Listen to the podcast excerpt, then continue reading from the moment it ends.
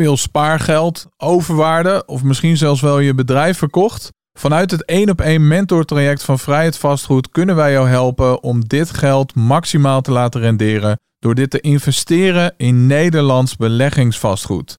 Tijdens het 1 op 1 traject ga jij in slechts een paar maanden tijd met je eigen mentor minimaal één beleggingspand aankopen. Wil jij meer informatie ontvangen over dit 1 op 1 begeleidingstraject? Stuur dan nu een e-mail naar info@vrijheidvastgoed.nl en dan spreken we je snel.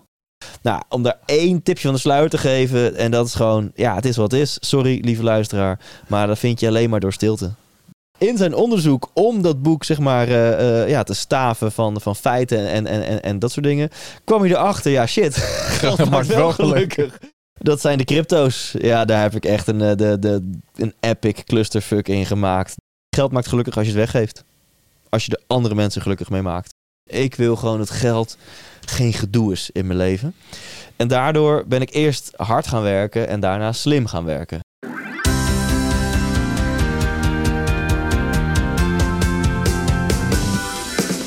Je wilt financiële vrijheid, maar je hebt altijd geleerd. Heel veel geld en rijk zijn, hm, helemaal verkeerd. Maar dat is niet de mindset, we gaan je inspireren. Met bakken kennis, frisse kijk. Of geld gelukkig maakt, dat hoor je nu. In Zo Word Je Steenrijk. Ja, of geld gelukkig maakt, dat hoor je nu in Zo Word Je Steenrijk. Welkom uh, bij een uh, nieuwe aflevering van, uh, van deze podcast.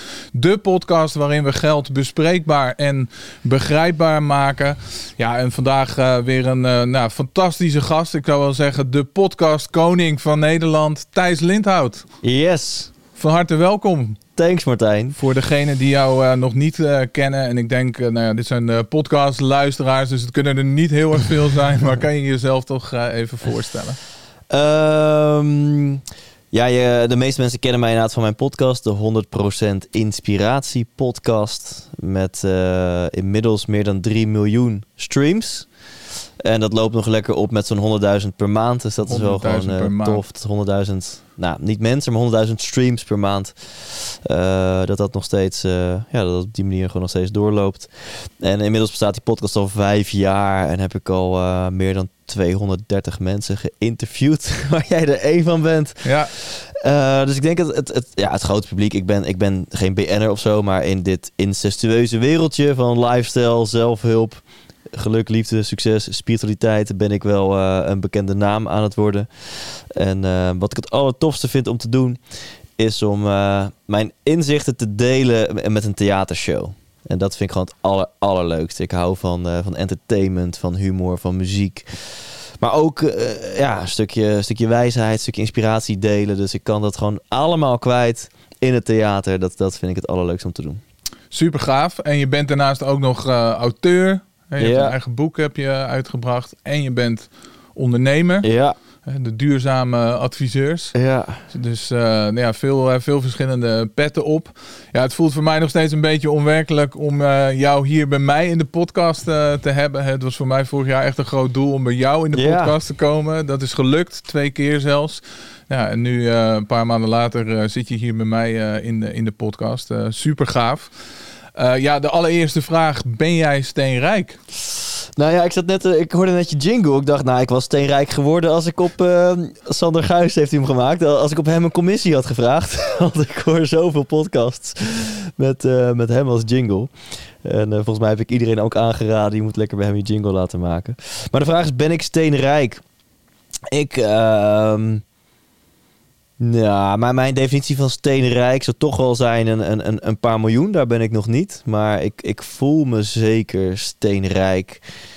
Uh, gaan we het nog uitgebreider over hebben, denk ik. Maar ik, ik heb nog nooit zoveel financiële ruimte en vrijheid en overvloed ervaren als nu in mijn leven.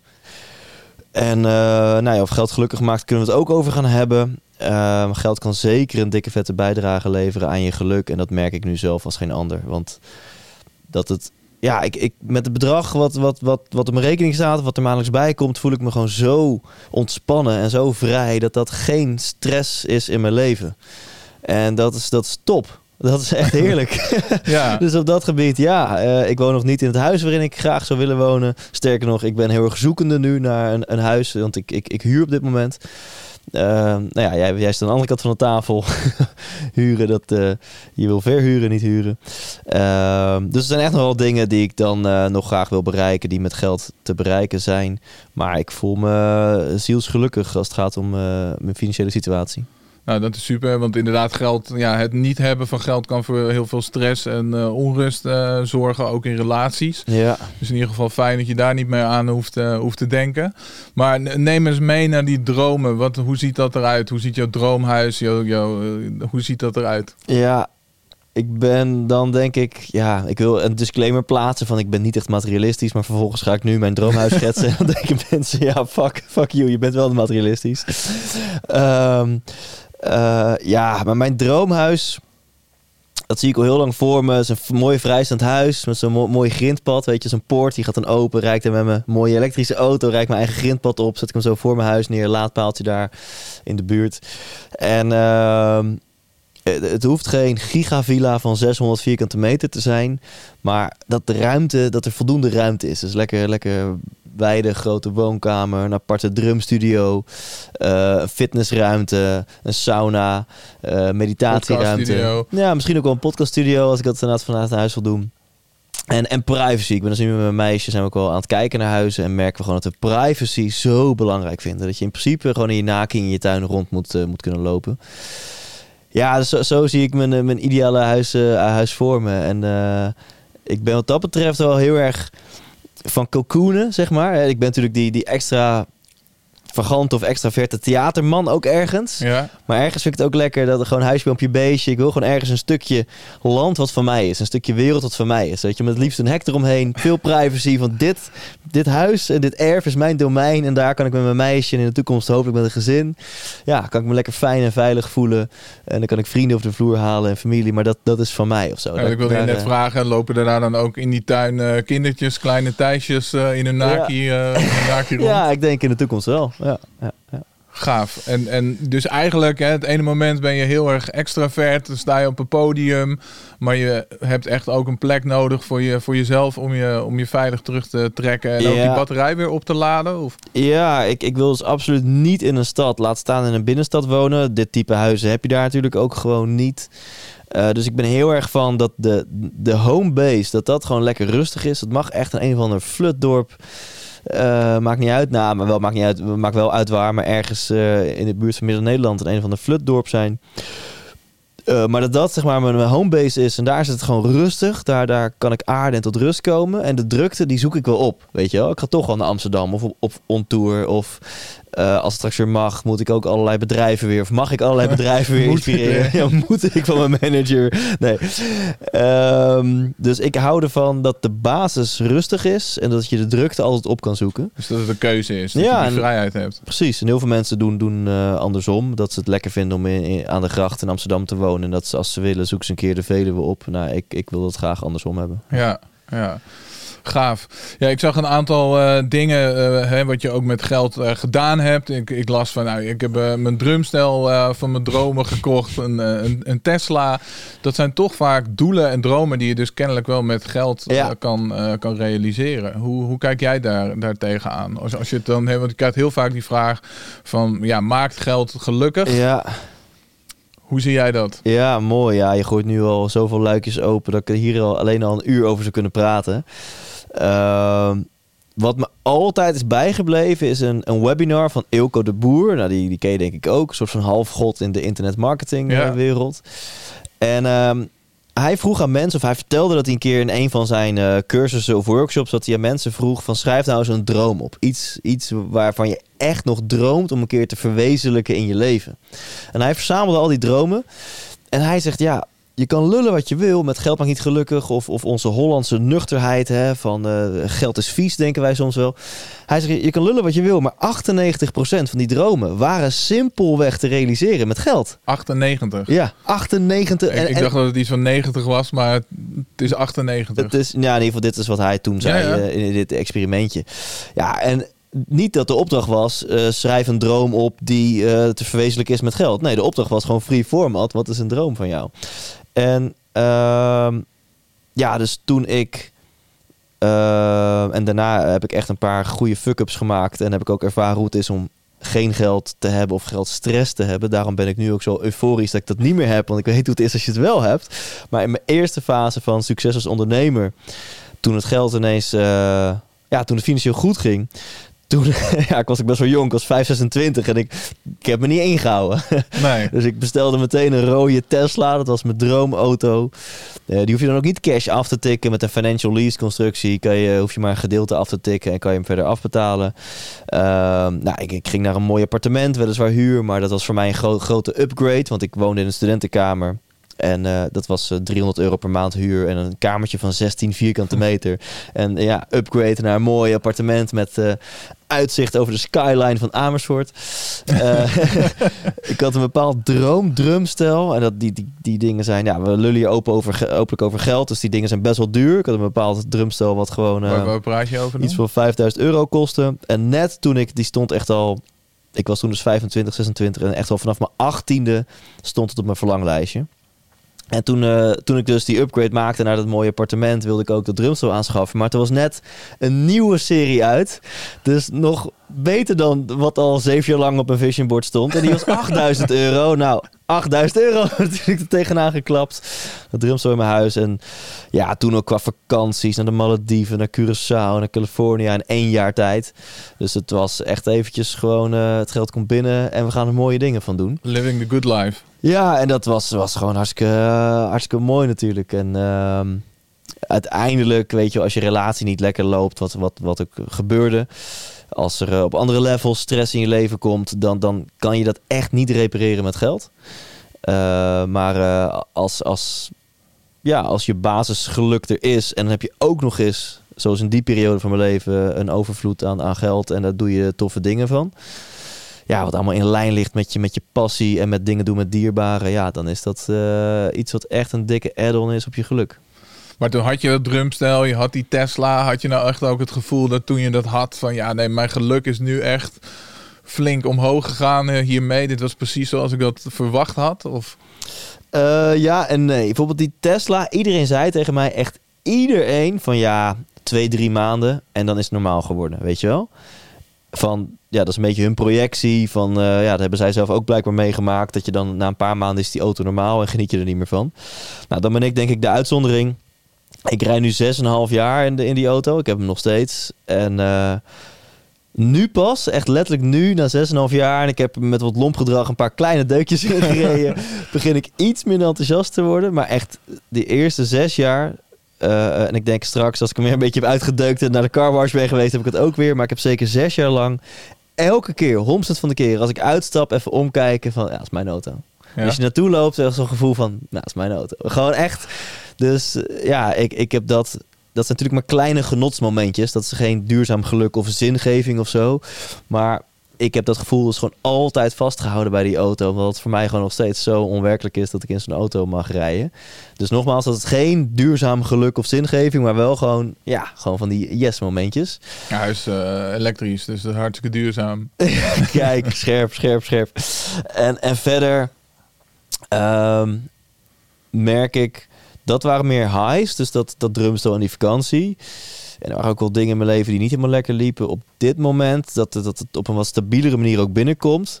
Eh, elke maand op, op mijn manier heb ik een soort van passief inkomen. Eh, en daarnaast ook nog gewoon actief inkomen, wat ik doe met mijn passie. Ehm, eh, mijn leven is stabiel. En dat, dat, dat, dat, dat elke maand ja, op een stabiele manier ook, ook geld op mijn rekening komt. Da ja, daarvan merk ik wel echt. Dat geeft zo'n rust, zo'n ontspanning. En, en rust en ontspanning maakt gewoon gelukkig. En ik denk echt, en dit is ook in de auto hier naartoe over na te denken. Deze mag op het tegeltje wat mij betreft. Ik denk dat mensen met veel geld die beweren dat geld niet gelukkig maakt. Die staan zo ver verwijderd van hoe kut het is om geen geld te hebben of geldstress. Hm. Dat ze zijn vergeten ja, hoe, hoe kloten dat is, zeg maar.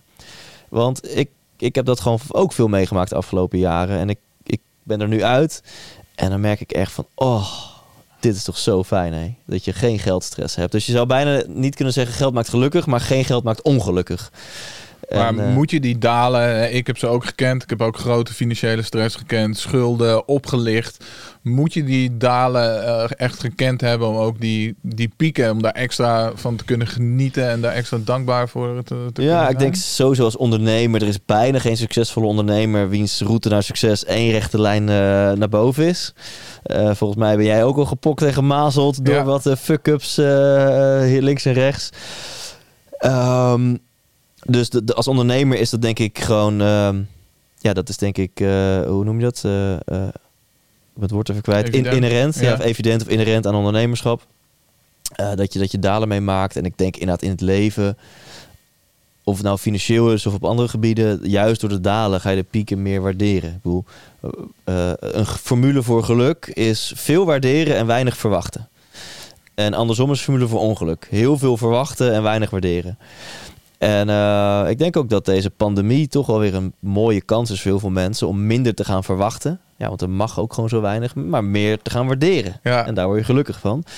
Dus ik denk zeker als mijn route naar financieel succes, als dat één rechte lijn was geweest, de afgelopen acht jaar, zolang ik nu ongeveer onderneem, dan had hier denk ik een minder dankbare Thijs gezeten. En nu weet ik ook gewoon hoe fucking kut het is als dat gewoon niet lekker loopt. En dat je op vakantie echt denkt, oh ja, ja moeten, we, moeten we dat wel boeken? Want oh ja, oh past dat wel? En ik moest ook nog mijn ex-kompion afbetalen. En oh, oh, oh, weet je wel, en dan die Of dat stress. als je op vakantie bent, dat je een restaurantje uitkiest op basis van de prijzen op de menukaart. En, dat soort eh, dingen. Dit is natuurlijk, ik hoor mezelf lullen en ik denk, jezus, wat, dit is echt geen zielig verhaal, want je bent dus nog op vakantie. Maar nee, eh, ik, ik weet, ja, ik, eh, hoe je het ook bent of verkeerd, ik heb financiële stress gehad. En omdat ik dat weet, ben ik nu zoveel dankbaarder dat het, dat het dat het nu gewoon lekker gaat. Ja. En wa- Wat deed dat met je, die stress? Hoe, hoe uitte zi- zich dat? Had het effect op, op een relatie die je had? Ja, het ging bij mij een beetje kip-ei. Dus, dus ergens in 2017, eh, shit comes in eh, three, zeggen ze wel eens. was, en eh, ik kreeg ruzie met een compagnon. Met als gevolg bedrijf wat bijna failliet ging. eh, mijn persoonlijke financiën, alles wat ik jarenlang had verdiend. Dat, dat, dat, dat moest ik eh, ineens overmaken om, eh, om uit dat conflict te komen. Nou, dan eh volgend niveautje op, op eh, gezondheidslevel eh, ehm, leidde dat naar een burn-out. Het was het laatste stootje wat ik nodig had om er echt goed af te liggen. En tot overmaat van ramp besloot toen ook mijn toenmalige vriendin om een einde te maken aan onze relatie. Ehm, dus het was een beetje kip-ei. Dus toen zat ik en qua gezondheid in de shit en liefdesverdriet en ehm, eh, financieel ook aan de grond. Ehm, en dat heeft echt wel zeker twee, twee, misschien wel tweeënhalf jaar geduurd. Voordat ik een beetje zo mijn hoofd boven water weer, weer kon krijgen. Niet alleen emotioneel, maar ook financieel gezien. En ja, in die periode, hoe uitte zich dat? Ik ben best wel een piekeraar. Dus dat was ook van controle. En met gedachten denk ik dan dat ik dingen kan beheersen. Dat kan natuurlijk helemaal niet. Dus ik heb op het spirituele vlak nog wel mooie groeistappen te maken. Uh, dus ik, ik kon echt veel piekeren erover. En, en piekeren is gewoon een formule voor ongeluk. Zorg gewoon voor stress. Dus dat op die manier drukte dat echt wel mijn, mijn geluk, zeg maar. Dus dat, dat, als jij jezelf misschien wel onbewust 30 keer per dag herinnert aan... oh ja, die, oh ja mijn bank, oh die financiële... Oh ja, en in mijn bedrijf... Ik, had, Ja, het is ook heel confronterend natuurlijk. Als jij financiële stress hebt en je kijkt naar je bankrekening en je wordt ermee geconfronteerd. Ja. Je staat bij de winkel en eh, de, dus je wordt daar heel vaak mee, eh, ja, op, op, met je neus Ja. op de feiten ik gedrukt. bedenk me nu ineens een, een situatie. Ik vind het wel leuk om gewoon open te praten over bedragen dan in deze podcast. Dat, eh, ik was bij, mijn- bij mijn pa en ik was een beetje zo aan het klagen over ja, de business en eh, de betaalrekening zat weinig geld op. En ik weet nog wel toen, ik was dus toen mijn bedrijf uit de, uit de goot aan het halen. Na dat conflict met die compagnon en, en ik zat half in de burn-out, probeerde ik dat bedrijf te redden. Want ik denk, ja, dat, als het bedrijf ook nog eens de afgrond ingaat, dan, dan valt het ook nog van me af. Is gelukkig, gelukkig gelukt om het bedrijf te redden. Maar ik denk dat ik in die periode zo'n zes, ja, zes, zeven ton omzet draaide met een consultancyclub. Eh, ik draaide ongeveer break-even, dus eh, nou, ruim 50, 60.000 euro kosten per maand. En dan zou je denken, nou, dan moet op je betaalrekening wil je eigenlijk wel 70, 80.000 euro hebben staan, minimaal, als je een bedrijf hebt wat, wat ongeveer 50, 60.000 euro per maand uitgeeft. Ja, Nou, en ik weet nog wel, als ik met mijn vader liet ik het ook gezien. Dan stond er gewoon 8000 euro op de betaalrekening. En dat was dan de dertiende. En op de vijftiende betaal ik altijd eh, de lonen. En dat was al 30.000 euro of zo. En eh, ja, ik hoop dat de komende twee dagen klanten weer gaan betalen.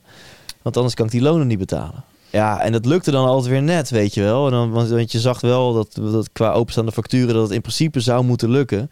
Maar dat, is de, en dat, dat, dat heb ik misschien wel een jaar gehad. Ja, en dan je management fee inhouden... omdat dan de mensen die we natuurlijk eerst Ja, betalen... voor, ja. Ja, dat is helemaal shit. Maar dat is niet alleen die stress. eh, Als je zelf financiële stress hebt, maar als je een bedrijf hebt met mensen in, in loondienst die voor jou eh, werken, dan is dat natuurlijk nog extra stress en, en verantwoordelijkheid. Ja, Ja. Hoe ben je daar dan toen, toen uit, uitgekomen?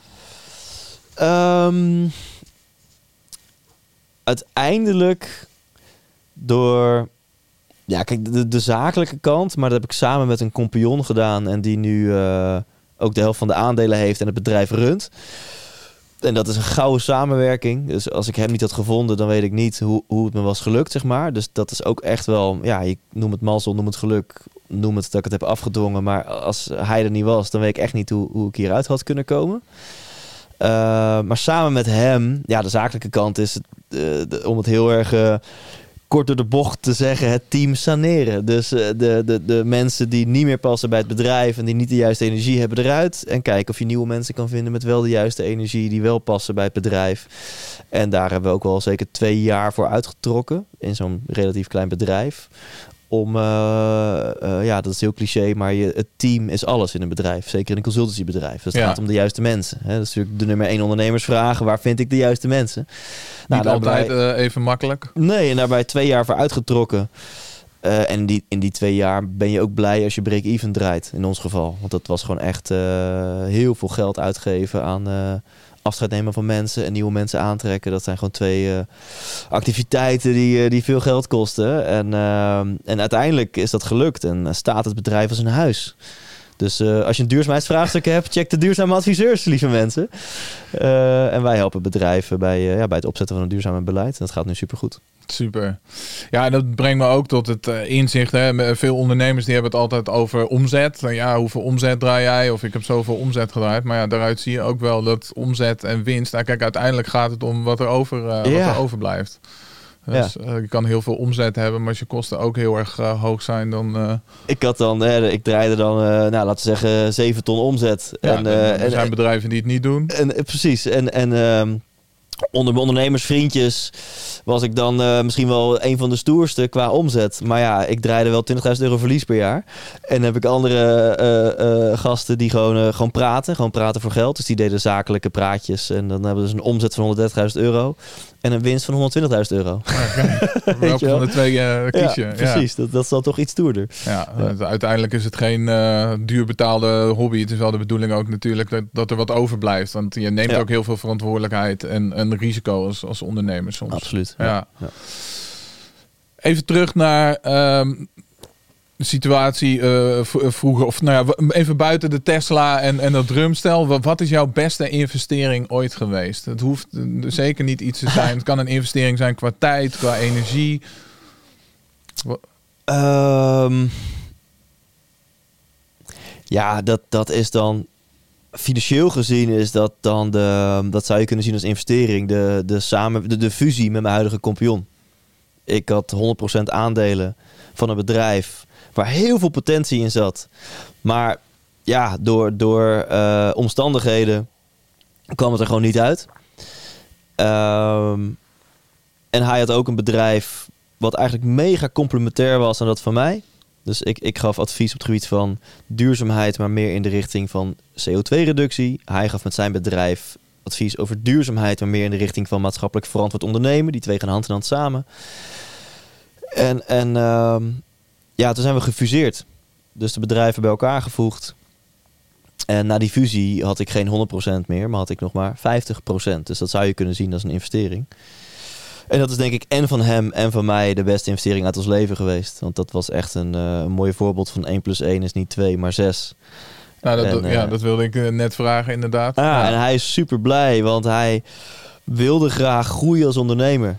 En ik kon, kon hem in één keer kon ik hem een soort van een giant step bieden naar drie keer zoveel omzet en een drie keer zo groot team. Eh, en ik wilde graag minder naar de achtergrond, maar dat iemand wel goed voor mijn bedrijf kon zorgen. Dus dat, ja, we konden gewoon precies onze persoonlijke wensen, die kon je gewoon ernaast leggen. eh, eh, ehm, ja, die, onze persoonlijke wensen zouden gewoon precies uit kunnen komen met die fusie. En dan moet het nog wel maar goed gaan. Dus we hebben echt ruim anderhalf jaar lang hebben gekeken, gaat dit goed? Voordat we echt de krabbel onder het contract hebben gezet. Dus dus Anderhalf jaar lang. van- hielden we allebei die eigen entiteiten. Terwijl in de praktijk was het eigenlijk al één. Maar anderhalf jaar lang kon, kon mijn angstbrein wist... als het niet goed gaat, kan ik op de knop drukken en is hij weg, weet je wel. Ja, maar Eh, dat is natuurlijk ook een hele grote stap voor, voor allebei. Want eigenlijk geef je je kindje eigenlijk natuurlijk ja, deels uit, uit handen. Ja, Maar jullie zijn dus eerst eh, gaan latten voordat jullie gingen samen mooi gezegd. Ja, heel mooi gezegd. Zeker. Dus dat, ja, dat is gewoon eh, de, de reden waarom ik net op jouw vragen antwoord. Van ik zit er lekker bij en ik, er komt zelfs passief inkomen binnen. Dat is omdat ik deze investering heb gedaan. Ja, En eh, qua investering in mijn eigen geluk, mijn droom, mijn passie, is, is die podcast gewoon de beste investering ever. Want ja, dat heeft me afgelopen. Nu, mede dankzij jou, levert het ook wat geld op. Jij hebt mijn ogen geopend dat ik er ook een businessmodel aan kan koppelen. Eh, waarvoor dank. en, ehm, maar in principe, afgelopen vijf jaar, als je nu even op een, eh, in een Excel-sheet zet, hoeveel tijd, hoeveel geld, hoeveel energie, hoeveel kopzorgen, beter niet. eh, die podcast me heeft gekost. Echt heel veel. Het is een giga-investering eh, op die gebieden. Maar wat het me heeft opgeleverd is ja, dat ik mijn droom kan leven. Ik mag straks in juni weer tien theatershows doen. Nou ja, die gaan... eh, ja, dikke kans dat die gewoon gaan uitverkopen. Als, als ze net zo lopen als mijn vorige tours. Die zijn bijna allemaal uitverkocht geweest. En dat, dat is door die podcast. Dus dat is gewoon een, eh, ja, een mega goede investering geweest. Niet alleen in mijn bekendheid, waardoor ik nu mijn droom kan leven en mijn, en mijn theaterzalen uitverkopen, maar ook in mijn eigen groei en ontwikkeling. Want ja, ga maar eens met 230 experts een dieptegesprek, een diepte-interview voeren over spiritualiteit of over liefde of over geluk of over succes. Ja, daar leer je zelf. Of over vastgoed. Ja, daar leer je ook veel van. Ja. Ja. Ja, super gaaf om, eh, om dat te zien. Dat je daarmee echt. Ik ben blij te horen, want we hebben ook een aardige investering gedaan qua tijd en, eh, en geld. Dus eh, Ja. ik ben benieuwd nou ja, wat voor, voor, voor kansen en mogelijkheden dit, dit zou, zou brengen. Ja, laten we dan maar meteen ook naar de slechtste investering ooit, ooit gaan. wat is je slechtste investering ooit geweest? Ehm, ja, ja. Zonder naam en toename te noemen, een bepaalde aandelen transactie met, met iemand wat, wat later leidde tot een zakelijk conflict. Dat is gewoon, eh, is gewoon een kutverhaal. En eh, het is een eh, lieve gast. Ik gun hem alles. maar het was geen match. En ja, waarbij... nou, lang verhaal kort. Uiteindelijk heb ik voor mijn gevoel, vanuit mijn beleving, heb ik voor de hoofdprijs mijn eigen bedrijf weer terug moeten kopen. Eh dat was niet zo'n goede investering. En iets waar ik wat meer over wil zeggen, gewoon wat makkelijker is.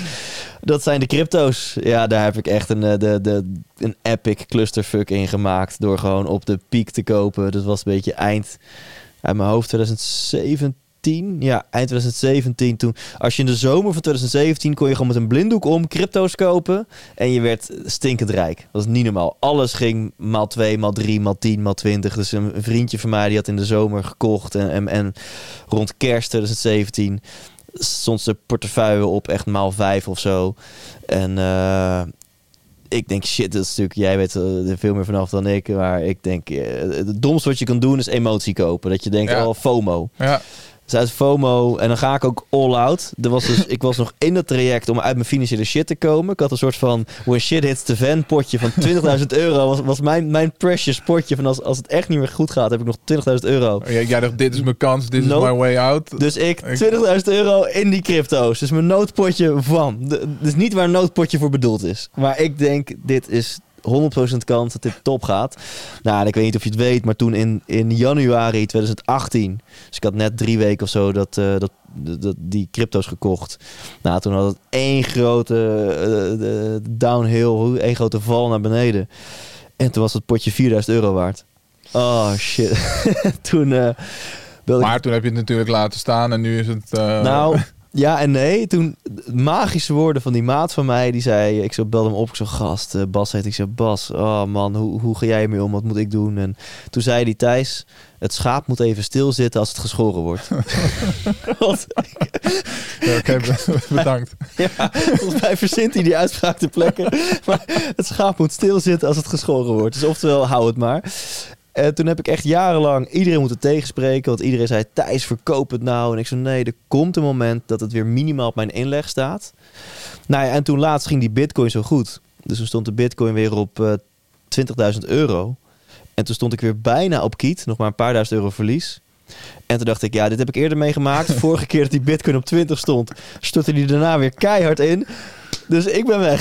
Dus ik heb toen met een paar duizend euro verlies heb ik weer mijn euro's teruggepakt. Ja, als ik het had gehouden, had ik nu eh 30.000 euro meer gehad.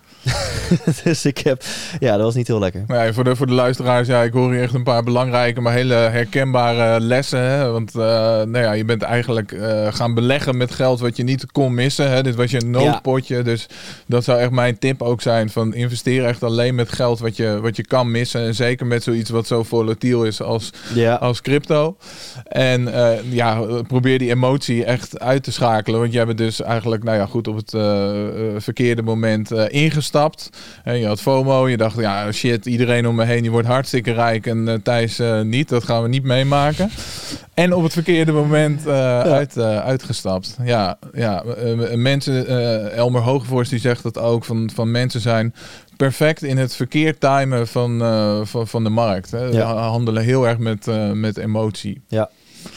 Oké, nou ja, maar wel een, eh, een grote les eh, Ja. eh, geleerd. Ehm, en crypto, ga je daar ooit nog wat mee, mee doen? Of zeg je van nou, voor mij, voor mij niet meer? Ja, volgens mij heb, heb ik een paar duizend euro laten staan. Dus dat, dat, ik heb niet meer durven kijken sindsdien. maar als het goed is, is dat een nog? soort van nog gegroeid.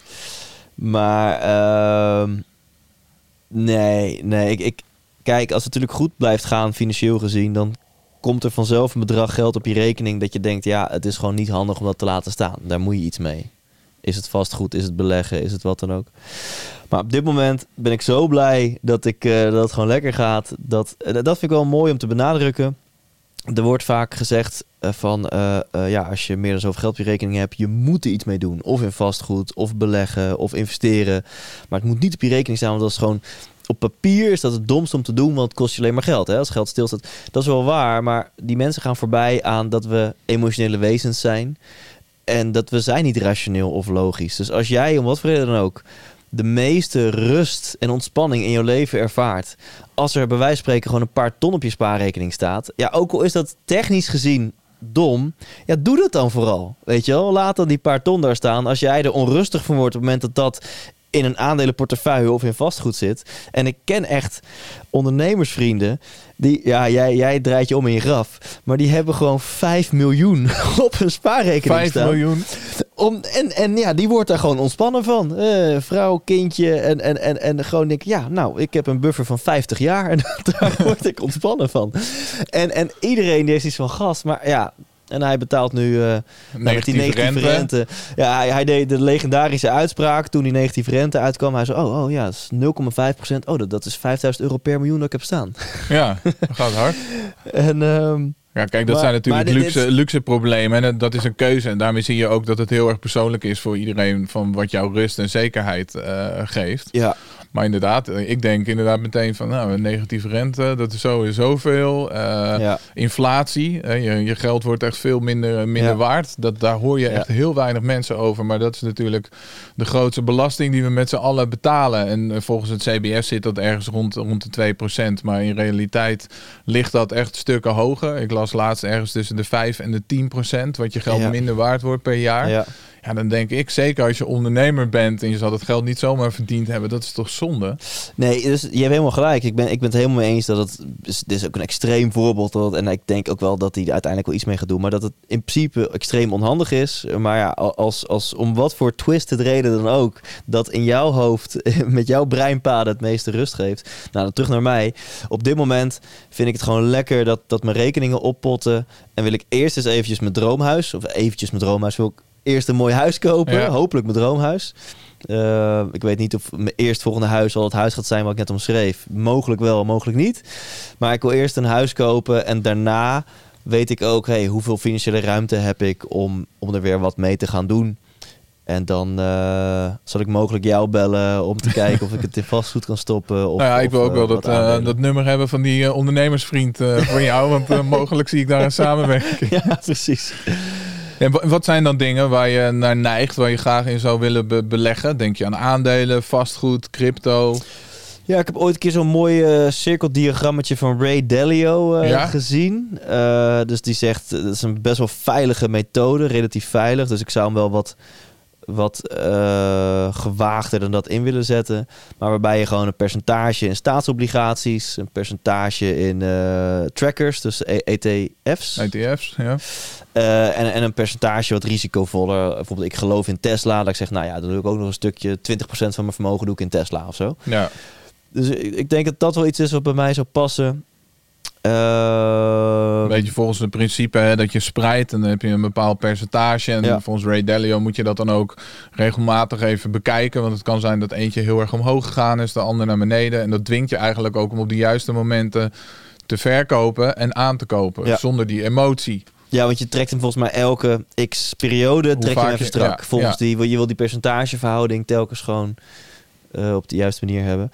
Als ik in vastgoed ga, dan, dan ben ik wel iemand die eh, er een persoon tussen zou zetten die dan alles voor me regelt, zeg maar. Want Ja. ik heb eh, die mogelijkheid heb ik gelukkig, eh, eh, eh, zowel financieel gezien, maar ook qua mensen. Dan zou ik gewoon misschien mijn assistent of iemand anders in mijn team gewoon kunnen vragen van, hey, wil jij dan even Hier met die huurders en al dat gezeik, ja, precies willen Ja. willen regelen.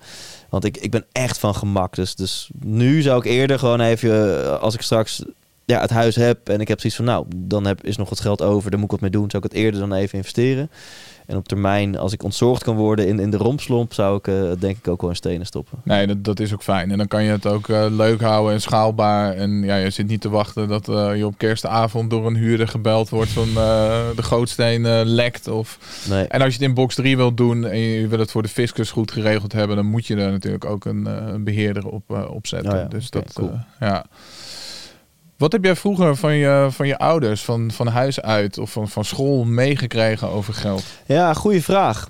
Ehm, en daar is, daar is een overtuiging uitgekomen. Eh, ik kan die overtuiging wel verklappen. En dat is, ik wil op hele jonge leeftijd, en dat zie ik nu pas nu ik terugkijk, want als je tien bent, dan is het niet heel bewust, die gedachte. Maar ik heb op hele jonge leeftijd de keuze gemaakt. Ik wil niet dat geld een beperkende factor is in mijn leven. En thuis hadden we het modaal. Ehm, en ja, misschien soms ietsjes minder dan modaal of zo. Dus mijn, mijn pa verdiende wel gewoon oké. Hij had gewoon een oké baan in loondienst. Mijn moeder werkte niet. Die zorgde gewoon voor, eh, voor het huishouden. Dus de traditionele ook een rolverdeling. baan hoor.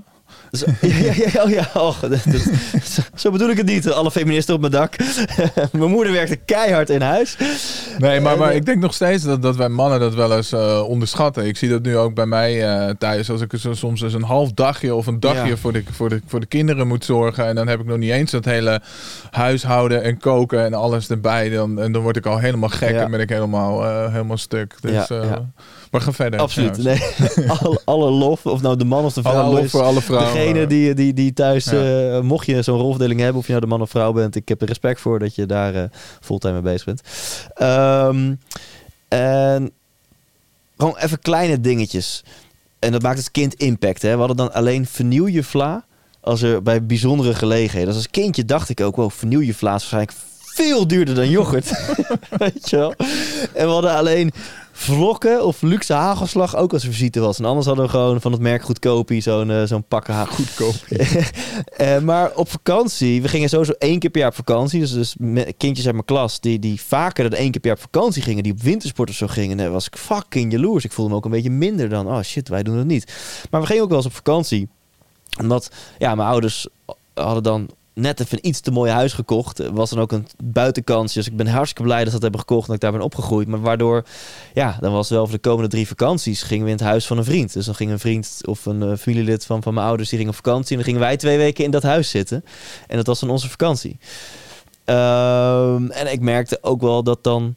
Ja, dat was niet elke dag een, eh, een ijsje. Van, aan van die kleine dingetjes. Maar als, als kind merkte ik wel... Hey, geld is wel een dingetje. Ik weet nog wel dat mijn vader een keer samen met mij... dat ook doornam van gewoon echt... Nou, zoon, ga eens naast me zitten. En ik was dan 13, 14 of zo. Kijk eens, dit komt er elke maand binnen. En dit gaat eruit. En eigenlijk geven we elke maand als gezin meer uit dan er het binnenkomt. En het is dat ik van oma nog één keer per jaar wat geld krijg. En een keer een 13 en 14e maand eh, van mijn werk. Weet je wel, dat het net dat kaarthuis blijft staan. Maar dat heeft dus blijkbaar impact op me gemaakt. En heb ik blijkbaar onbewust een keuze gemaakt. Hier heb ik geen zin in. Ik wil gewoon het geld geen gedoe is in mijn leven. En daardoor ben ik eerst hard gaan werken en daarna slim gaan werken. Hè, want nu ja, vind ik het best wel slim hoe ik heb ingericht. Ja. Laat eerlijk zijn mensen. Maar hard werken, op mijn dertiende had ik al drie baantjes, weet je wel. Ging ik gewoon allemaal kranten bezorgen. Op mijn zestiende bromcertificaat halen, pizza's bezorgen, vakken vullen bij de Albert Heijn. Eh, Maar jij dacht dus, eh, zo, dat wil ik niet. En, en eh, om dat, eh, nou ja, daar niet in te zitten, ga ik gewoon maar keihard ja, werken. dus Dat- al vanaf is- mijn dertiende had ik altijd meer geld dan vriendjes. En dan als, of ik nou 13 was of 18 of whatever. Als ik zei, hé, hey, laten we naar de bioscoop gaan. En vriendjes zeiden dan, ah nee man, ik heb geen geld. Ja, dan dacht ik, wat, dat, hoe dan? Je Maar gaat had, toch had jij dan wel tijd om naar de bioscoop te gaan? met al die ja, dat was een dingetje bij mij. Maar ik dacht, weet je wel, no way dat geld een beperking gaat zijn om dingen te doen. Je gaat toch, we gaan toch naar de bi- je gaat toch niet, want je geen geld hebt, niet naar de bioscoop, weet je wel? What the fuck? Dus, dus dat was mijn strategie. Dus ik werkte echt, echt lomp veel al vanaf mijn dertiende. Ik heb nog net niet mijn lichaam verkocht voor geld, maar elk, elk bijbaantje wat je kan bedenken, heb ik zo'n beetje gedaan. En ehm, mijn vriendin, die, die, die, die verbaast zich ook hoe, hoe lomp ik dus geld uitgeef. Dus, dus die overtuiging, hoe die zich nu uit in mijn leven, is dat ik bijvoorbeeld als we uit lunchen gaan of als ik boodschappen doe, ik kijk niet naar de prijs. Dat zit echt niet in mijn systeem. Dus bijvoorbeeld vorige week zondag gingen we in, eh, waar waren we? Utrecht. Gingen in Utrecht even lunchen. Eh, afhalen nu met corona. En dan staan we gerust 55 euro af te tikken. Omdat ik zeg, ja, en ik wil die vegan pie. Oh ja, en doe maar de, de, de red velvet pancakes met extra bacon. Oh ja, en ik wil nog een smoothie. En doe maar twee cappuccino havermelk. En weet je wel, ja, ik, gewoon alles wat ik zie waar ik zin in heb, dat wil ik bestellen. Maar dat, dat is toch ook heerlijk? En dat vind ik heerlijk. En dan, dan zij moet er nog een beetje aan wennen soms. Ik zeg, ja schat, dit is zo'n bewuste keuze. Een bewuste keuze om genoeg geld te hebben... dat of ik nou maandelijks 300 of 800 euro uitgeef aan eten... dat dat gewoon niet boeit. En, en dat ik gewoon dan niet hoef na te denken bij de Albert Heijn... en bij zo'n lunchtentje. Ik vind dat heerlijk. En mijn pa heeft dus echt nog steeds de exact tegenovergestelde lifestyle. Eh, eh, weet je, als die eh, op vakantie is met zijn vriendin... Dan, dan, en ze, gaan, eh, ze houden van vogelen, gaan ze de natuur in... Nou, die nemen echt een lunchtrommeltje mee en een, eh, en een thermoskan koffie. En no way dat ze, dat ze 2,30 euro uit gaan geven voor een kopje koffie onderweg, weet je wel. Eh, dus dat is mooi dat ik echt de exact tegenovergestelde eh, Nee, maar voor- mindset heb ja. ontwikkeld dan, dan mijn pa. Ja. Of doe je het bewust heel erg overdreven om juist dat gevoel dat we vroeger een beetje eh, te, te vergeten? Ja, dat zou ik eens een keer met de coach kunnen uitdiepen. Eh, gevoelsmatig. eh, gevoelsmatig gaat deze niet heel diep of zo. Is dit, vind ik dit gewoon heerlijk. Ja. En ik heb dit ook al, kijk, nu kan het echt. Maar dus ik denk dat ik ook op mijn, eh, op mijn 16e of 18e dit, dit ook al wel deed. Dan was soms wel het geld op, weet je wel. Dat je wel echt merkte, shit, ik moet wachten tot de stu- studiefinanciering binnenkomt. Of ik moet wachten tot mijn salaris binnenkomt. Maar was ik ook al wel extravagant met eh, dit soort uitgaves. Weet Ja. je wel? Alleen toen eh, stond, kwam er nog niet zoveel geld eh nee, toen binnen was, toen was het soms andere wel op. Ja. Nee, maar voor mij, dat heb ik ook echt gemerkt, is dat eh, ja, dat geeft echt gewoon een gevoel van, van vrijheid en ook van, van overvloed. Maar Ja. door onze ouders, ja, ik weet niet, eh, je wordt altijd geleerd van ja, je moet je bord leeg eten, want ja, goed, eh, er is voor betaald. En Ja. er zijn kindjes in Afrika die eh, nou ja, geen eten hebben en ja, allerlei van dat soort overtuigingen die je vanuit huis meekrijgt als kind, die toch ook ja, heel erg mee kunnen, kunnen spelen of mee kunnen werken in je leven. Ja. Ja. Ja, nou gaaf dat je dat eh, ja, zo hebt omgezet en nu in zo'n situatie zit. Je hebt natuurlijk superveel mensen geïnterviewd voor, eh, nee, in je podcast eh, gehad. Hè, 230 of zo tot nu Ja. toe, eh, zei je al. Ook vaak, maar zeker niet alleen, maar ook over eh, financiële eh, zaken, over geld, en geld en, en geluk. Wat zijn jouw belangrijkste inzichten en lessen geweest uit die, uit die podcast als het op geld aankomt? Ehm, nou, wat wel interessant is, ik denk dat. Eh, voor zover ik weet, denk ik dat al mijn gasten bovengemiddeld, een bovengemiddeld inkomen hebben. Alle 230. Ik denk dat 80% een ver bovengemiddeld inkomen heeft van alle mensen die ik heb geïnterviewd. En ik heb ze heel lang, de eerste 150 of zo, heb ik nog de tegenstelling gegeven. Je moet kiezen, er waren een aantal tegenstellingen. En een van die tegenstellingen was, geld maakt gelukkig of geld maakt ongelukkig. En dat is heel shit, want je mag je niet nuanceren, je moet er gewoon één kiezen. Ja, on the spot heette dat. On the spot, eh, ja, precies. Een hutje op de hei of vijf sterren hotel. Precies, kijk. Ja, Kijk, we hebben hier een eh, vaste luisteraar, Ja, ja, ja. eh, dames en heren. Nou, en, en ik denk dat 95% antwoorden geld maakt gelukkig. Dus dat vind ik wel interessant. Tuurlijk, het is een tegenstelling, je moet kiezen. Maar dat, dat van alle mensen die bovengemiddeld verdienen, dat die ook allemaal zeggen geld maakt gelukkig, dat, dat vind ik interessant. Ehm, ik heb van jou natuurlijk het een en ander geleerd. Laat ik dan gewoon de wetenschap erbij pakken. Ehm Ab Dijksterhuis. Eh, echt een, een gelukswetenschapper. En die heeft eh, onderzocht. Eh, die heeft eigenlijk twee interessante onderzoeken gedaan. Eén, hij heeft een hele bekende uitspraak heeft hij onderuit gehaald. En dat is de uitspraak dat geld maakt gelukkig, gelukkiger, tot de 70.000 euro per jaar. Dat heb je vast wel eens gehoord Ja. van mensen. Dat is dus bullshit. Hij heeft dat getrackt, dat onderzoek. En wat bleek, in dat onderzoek hadden ze een aantal categorieën. En de laatste categorie was meer dan 70.000 euro. Dus dat onderzoek kon haast niks anders concluderen dan dat voor beide 70.000 euro het niet meer uitmaakt. Want ze hadden geen categorieën meer benoemd daarna. Dus hij heeft het onderzoek overgedaan met zijn universiteit, waar hij hoogleraar is.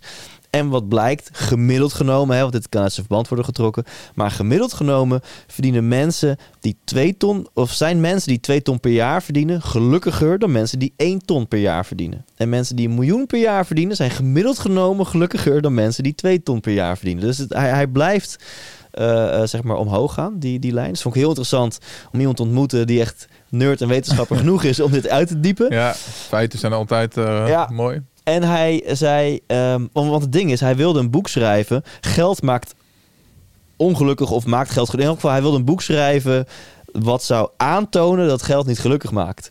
Maar in zijn onderzoek, want hij is natuurlijk een wetenschapper, in zijn onderzoek om dat boek zeg maar eh, eh, ja, te staven van, van feiten en, en, en, en dat soort dingen, kwam hij erachter, ja shit, geld maakt wel gelukkig. Dus ja, ik kan niks anders dan mijn hypothese eh, aanpassen. En het klopt er niet. En geld maakt dan gelukkig volgens zijn boek en volgens een onderzoek. Als je het uitgeeft aan drie dingen, laat ik die dan even gewoon gratis erin gooien hier. Hoppa. Eén, als je het uitgeeft eh, eh, eh, aan tijd. Dus als je met geld dingen koopt die jouw tijd geven. Dus denk aan een schoonmaakhulp. Denk aan een nanny voor de kids. Denk aan tuinman. een personal trainer, tuinman. En het is dan wel handig als je met die vrijgekomen tijd iets doet. Nuttige dingen doet. Waar, waar jij inderdaad dan gelukkiger van Niet wordt. dat je gaat Netflixen met die tijd. Precies. Dus ja, neem, neem een, een schoonmaakhulp en die vrijgekomen drie uur. Ga met je vriend, vriendin, man, vrouw gewoon iets leuks doen samen.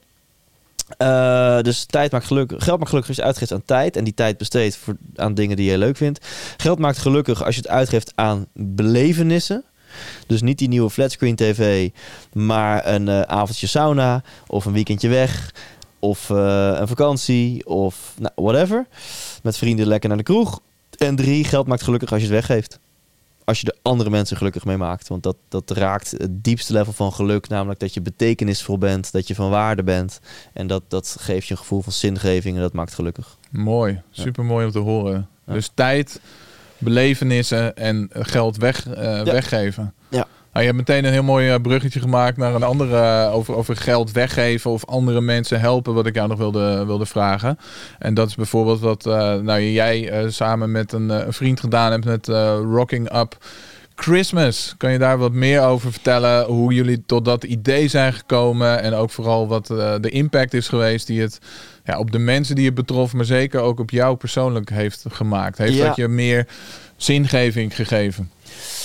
Ja, dat is wel echt een heel, heel bijzonder en tof project. En ehm, nou, laat ik het gewoon delen. Want vaak als ik erover vertel, dan, dan, dan moet ik mezelf ook weer knijpen van wow, dat is wel echt, echt in positieve zin uit de hand gelopen. En om eerlijk te zijn, tegelijkertijd voelde ik dat tijdens de uitvoer niet, omdat het, het, het werd een tijdje zoveel organiseren en zo weinig nog waarvoor we het oorspronkelijk deden, dat je gewoon ja, eigenlijk vergat dat je iets heel moois aan het doen bent. Omdat je gewoon qua activiteiten eigenlijk alleen maar stress hebt en het er net niet bij kan doen. En denkt, shit, waar zijn we aan begonnen?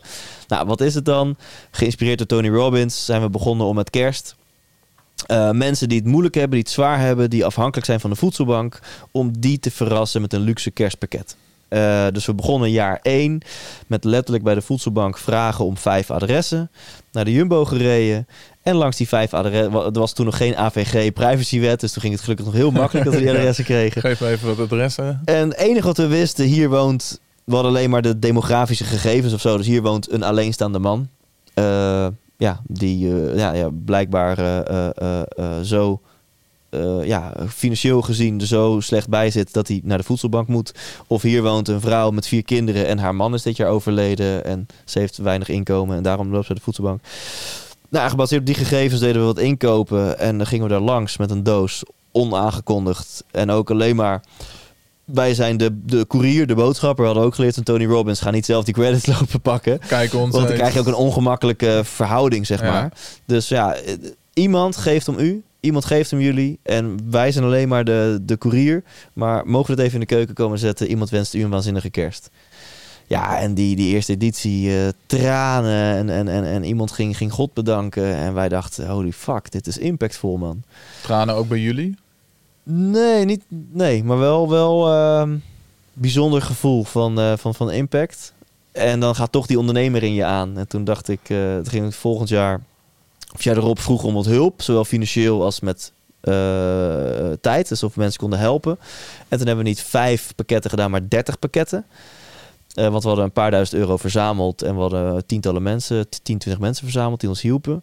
En toen, met name ik, dacht, als we nou elk jaar verdubbelen, wat natuurlijk een krankzinnig megalomaan plan is, Ja. eh, ja, dan eindigen we in 2020 met 2000 gezinnen. Hè? Want ga je van 30 naar 60, naar 120, naar nou, afgerond 250, 500.000 en zo verder. En uiteindelijk is tot en met de 1000 eh, hebben we dit plan uitgevoerd. Uiteindelijk hebben we toen, want toen was het te stressvol geworden en hebben we het losgelaten. Dat is ook wel eerlijk om te zeggen. Maar tot en met 2019 hebben we ons hieraan gehouden. Dus dat houdt in dat ja, op kerstavond 2019 is tussen eh, 6 uur en 8 uur 's avonds is gewoon bij duizend gezinnen de bel gegaan. Verspreid over 20 steden. En stond een vrijwilliger van ons, van Rocking Up Christmas, voor de deur met de boodschap: Iemand wenst jullie een waanzinnige kerst.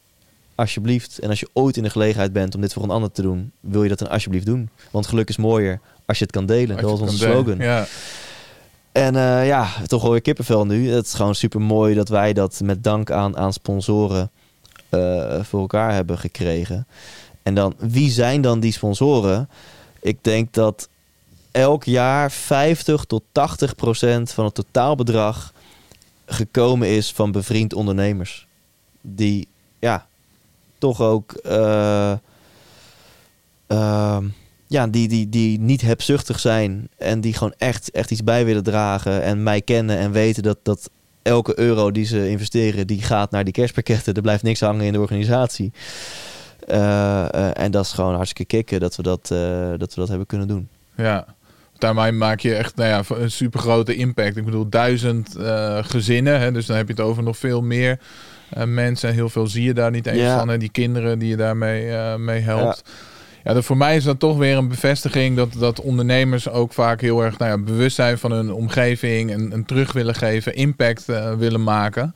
Ja, en ook dit, daar is uiteindelijk wel geld eh, voor nodig. Ja. Eh, dus eh, zonder geld kan je die Ja. pakketten niet vullen. Ja, Precies. misschien dat je een paar dingen gesponsord krijgt, maar hoe eh, gaan jullie dit verder? eh, wat, wat zijn de, de, de plannen hiermee? Of We hebben de stichting, dat is een stichting Rocking Up Christmas, hebben we overgedragen aan een viertal dames. En die hebben het stokje, ja, dus die hebben het overgenomen. En eh, ja, je zou mij nog ambassadeur van de stichting kunnen noemen. Dus ze kunnen mij bellen als ik ze ergens mee kan helpen. Maar eh, wij, en dan heb ik het over eh Sidney Brouwer, een vriend van mij, en Arjen Bannach, een andere vriend van mij. Wij met z'n drieën hebben wel echt heel bewust, na 2019 zijn we er wel echt mee gestopt. Omdat, eh, ja, ondanks dat het dus echt iets heel moois is, was het achter de schermen voor ons echt een stressproject. Eh, eigenlijk altijd de laatste drie maanden van het jaar kreeg ik dit nog even maar, erbij. ja. En, en eh, ja, daar ben, ik heel blij, zijn we heel blij dat het, dat het niet is gestorven. Want het is altijd een project geweest dat op de een of andere manier een magneet was voor mensen. We hadden zo weinig moeite om aan mensen te komen, om aan geld te komen. Iedereen die voelde gewoon, dit is gaaf, weet je wel. Eh, na een tijdje hadden we dus 20 steden. Dus heb je 20 locatiemanagers die volledig vrijwillig, eh, een fles wijn, that's all, volledig vrijwillig gewoon i- maandenlang gaan voorbereiden om in hun stad een, een, een, een gymzaaltje te vinden of een andere locatie, om eh, een stuk of 40 vrijwilligers te regelen, dat in te delen in teams, om, om die, die, die adressen van de voedselbanken los te peuteren, om het te gaan inpakken, om het te gaan verspreiden, weet je wel.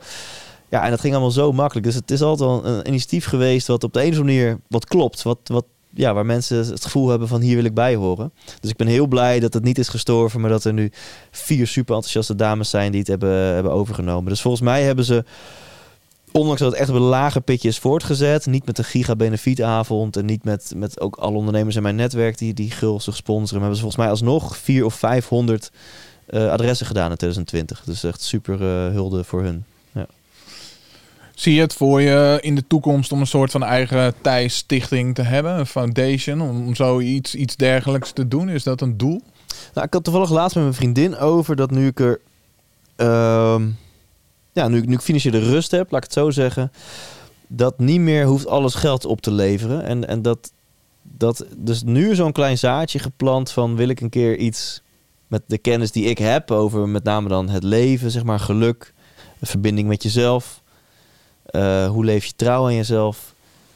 Hoe maak je de juiste keuzes? Hoe ga je om met tegenslagen? Dus er is al een zaadje geplant. Hoe die gaat ontpoppen, weet ik nog niet. Maar om ja, ook wel dingen te doen die, ehm, die niet per se geld op hoeven te leveren. Eh, dus goede vraag. Dus dat, dat over tien jaar er een Thijs Lindhout Foundation is, is, is vrij, die kans is er wel.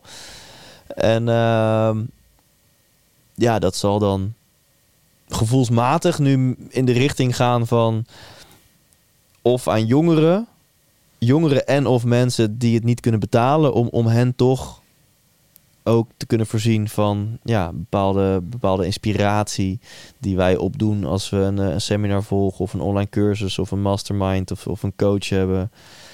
Er is natuurlijk nu super veel gratis kennis. Eh, mijn podcast is daar natuurlijk een heel mooi voorbeeld van. Maar ehm, ja, dat zou, lijkt me toch wel leuk om, om, om op die manier betekenisvol eh, te kunnen zijn. Maar hoe, dat, eh, dat weet ik nog niet. Dat zal eh, de tijd zal dat, zal het leren. Ja.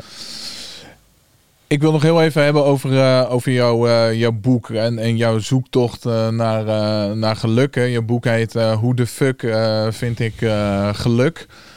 Ik zag in je biografie op je, op je site dat je je, je, je leven vroeger een, een zesje of een zeventje gaf. Heb je dat geluk ondertussen eh, gevonden en wat voor een cijfer geef je je leven op dit moment? Ja, eerst in je opkomst vaak het beste. Dat is een 8. Oké. Dan is dat het cijfer. Is natuurlijk ook, eh, die 8 is natuurlijk voor een stukje onderbouwd eh, uit, uit duurzame argumenten. Dat gewoon dingen lekker lopen. Is Altijd ook voor een stukje dat ik me nu gewoon lekker voel. Ik heb goed gesport vanochtend. Ik heb goed geslapen. En ik heb een leuk gesprek, weet je wel. Ja. Als ik... als ik straks eh, gehaast in het verkeer zit en ik, eh, ik heb honger en ik ben hangry, dan geef ik het misschien alweer een 7. Hangry. Hangry, ja. Ehm, en ja, in, in mijn zoektocht naar geluk, om die samen te vatten, eh, want anders dan lullen we daar een uur over, is dat uiteindelijk, ehm, ja, het klinkt dan zo ehm, cliché of zo, of zo zweverig, maar zit, zit alles in jezelf. En zijn externe factoren. Is het een leuke relatie? Is het geld? Is het een bepaald succes? Uiteindelijk zijn externe factoren toch maar weer dingen die iets triggeren wat al in jou zit. En dat is een gevoel van, oh, ik mag er zijn. Oh, ik ben goed genoeg. Ik, ik voel me geliefd of ik voel licht of liefde. Ehm, en ja, daarom bestaat mijn zoektocht naar mijn persoonlijke geluk tot nu toe wel echt uit twee chapters. En het eerste chapter, eerste hoofdstuk is heel erg outside in. Dus vanuit uitverkochte zalen. Kijk eens op wat voor podia ik sta. eh, Podcast. Die, die, ja, podcast. Maar Boek. die, die burn-out komt niet uit het niks, weet je wel. Dat was, dan werk je dus harder dan goed voor je is. En waarom doe je dat? Omdat blijkbaar zit er zo'n onrust in je... dat je je wil bewijzen dat je gewoon jezelf voorbij rent. En het tweede hoofdstuk is... ja, toch veel meer ook wel die, die rust... en die, die, die verbinding met jezelf opzoeken. En het is een hele mooie bonus dat je geld op de bank hebt... dat je een soort van succes hebt... dat je in mijn geval een mega leuke vriendin hebt... maar kun je eh, ja, kun je ergens toch de, de zelfliefde en de, de tevredenheid met jezelf vinden. Want dat, dat, is, dat is het meest duurzame geluk wat, wat er maar is. En eh, over dat eerste hoofdstuk eh, zijn heel veel boeken over. En dan kan ik heel makkelijk lullen, want het is gewoon een soort van stappenplan naar succes. Ja. Natuurlijk doe dat wel met iets waar je energie ligt, waar je gepassioneerd over bent. Maar heel oppervlakkig samen, heel kort in de bocht samengevat, is dat meer een stappenplan naar succes. En dat tweede ben ik nu heel erg aan het verkennen van... Nou, ik zit zelf heel erg in zo'n fase van hoe doe je dat dan? Hè? Van die verbinding met jezelf en die zelfliefde. En je bent toch telkens weer ervan overtuigd. Ja, maar ik voel me nu kip lekker omdat ik een lekkere ijskoffie drink. Omdat ik met mijn vriendinnetje op de bank zit. Omdat ik een, eh, een leuke vakantie aan het doen ben of, of, of wat dan ook. Omdat ik maar nee, je voelt je goed omdat iets in jou gebeurt. En hoe kun je die spier trainen om bij dat gevoel te komen zonder die externe prikkel, weet je wel? Kun je ook gewoon... Van binnenuit. Ja, van binnenuit. Happiness for no good reason. En nou, om daar één tipje van de sluier te geven. En dat is gewoon, ja, het is wat het is. Sorry, lieve luisteraar. Maar dat vind je alleen maar door stilte. Dat vind je door een, een vorm van stilte, meditatie, prikkelloosheid. Je moet die leegte opzoeken om te gaan voelen. En, en dan moet je vaak ook nog eens door een pile of shit heen Ja. voordat je bij het licht komt. En, en ja, om die pile of shit te voorkomen is het, is het veel verleidelijker om lekker druk te blijven. Sommige mensen doen dat tot aan hun kist en dan is dat jouw leven, dit leven. En sommige mensen maken onbewust of bewuste keuze van nee, ik, ik wil niet mijn hele leven blijven afleiden en verdoven. Bijvoorbeeld door altijd maar druk te zijn en te werken. Maar ik wil eigenlijk wel eh, mezelf gaan vinden en... eh, ik durf die stilte, ik durf die meditatie, ik durf die leegte op te zoeken. En, en ja, dat is op de korte termijn eh, kan best heavy zijn. Maar uiteindelijk vind je daar wel, eh, ik denk, een level van voldoening en zelfliefde en tevredenheid die, die veel verder gaat dan outside in. Dat kleine stukje van, van, die, van de- dat, dat innerlijke, is dat nog ook het stukje wat mist om van die 8 en 10 te maken? Oh, een goede vraag. Ik denk het wel. Ik denk zeker dat. eh, Laten we eens beginnen met die 9. die 9 ga ik niet vinden door eh, more money's on the bank. of eh, meer leuke momenten met mijn vriendin. Eh, of grotere zalen met mijn tour. Ik denk dat die, die 9 ga ik behalen door, door die reis naar binnen. Door die nog verder in te zetten. Ja. Dan wens ik je heel veel eh, succes en eh, plezier met eh, Ja, die thanks. reis en dat, dat stukje. Ja, ik denk dat dit een fantastisch einde is van, van deze podcast met deze mooie inzichten en wijsheden. Thijs, ik wil je super bedanken voor dit, nou ja, naar mijn mening, mooie open gesprek over geld, maar zeker ook over heel veel andere dingen. Dankjewel. Graag gedaan, man. En ja, mocht je meer over Thijs eh, willen weten, hè, luister natuurlijk ook zeker zijn podcast. Hoe de fuck vind ik geluk? eh, het, eh, het boek. En binnenkort mag je weer, hè? Ja, zo heet ook mijn tour, mijn nieuwe theatertour. Hoe de fuck vind ik geluk? En die gaat dus hierover. Mijn eerste show ging echt over die zoektocht naar geluk en succes. Deze show gaat echt over die zoektocht naar de verbinding met jezelf. Geen zweverige spiriwiri-avond. Het is gewoon lachen met muziek, met humor, met fuck-ups uit mijn leven. En ondertussen leer je nog wat ook. En, eh, eh, en dat is denk ik een hele leuke avond. En in juni mag ik weer eh, in negen theaters staan. En we houden wel netjes anderhalf meter afstand. Dat moet dan, maar dat is allemaal door het theater geregeld. Maar je mag wel met je dierbaren bij elkaar zitten. Dus als jij gewoon met, met je liefje of met z'n drie of met z'n vier een ticket koopt, dan zit je bij elkaar. En er zit er lekker anderhalf meter tussen andere vreemde mensen. En eh, op thijslindhout.nl kun je gewoon kijken waar ik kom. En ik kom in principe in elke hoek van Nederland. Van, eh, van eh, Noord, Oost, Zuidwest tot het midden. Eh, negen shows. Dus, Super. eh, nou, ik eh, zorg dat ik erbij ben. Ik heb je nog nooit live in het theater ah, gezien. kijk. Wel je improvisatieshows online. En die waren al geweldig. Dus dit zal helemaal gaaf, gaaf zijn. Voor de luisteraars hebben we ook nog een e-book. Ja. Wat we weg kunnen geven. Als je eventjes naar www.zowordjesteenrijk.nl schuine streep Thijs eh, Ja, toe gaat. Thijs met H, T-H-I-E-S. Dan eh, kan je dat e-book daar eh, downloaden. Thijs, nogmaals hartelijk bedankt. Jullie bedankt voor het luisteren. En ik zie jullie heel erg graag weer een volgende keer bij Zo Word Je Steenrijk.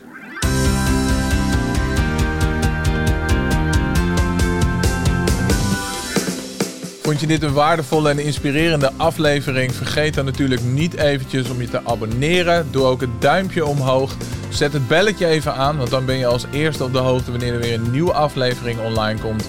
En wij geloven heel erg in delen, want delen is vermenigvuldigen. Nou, als jij daar ook in gelooft, deel het dan vooral ook met je vrienden en familie.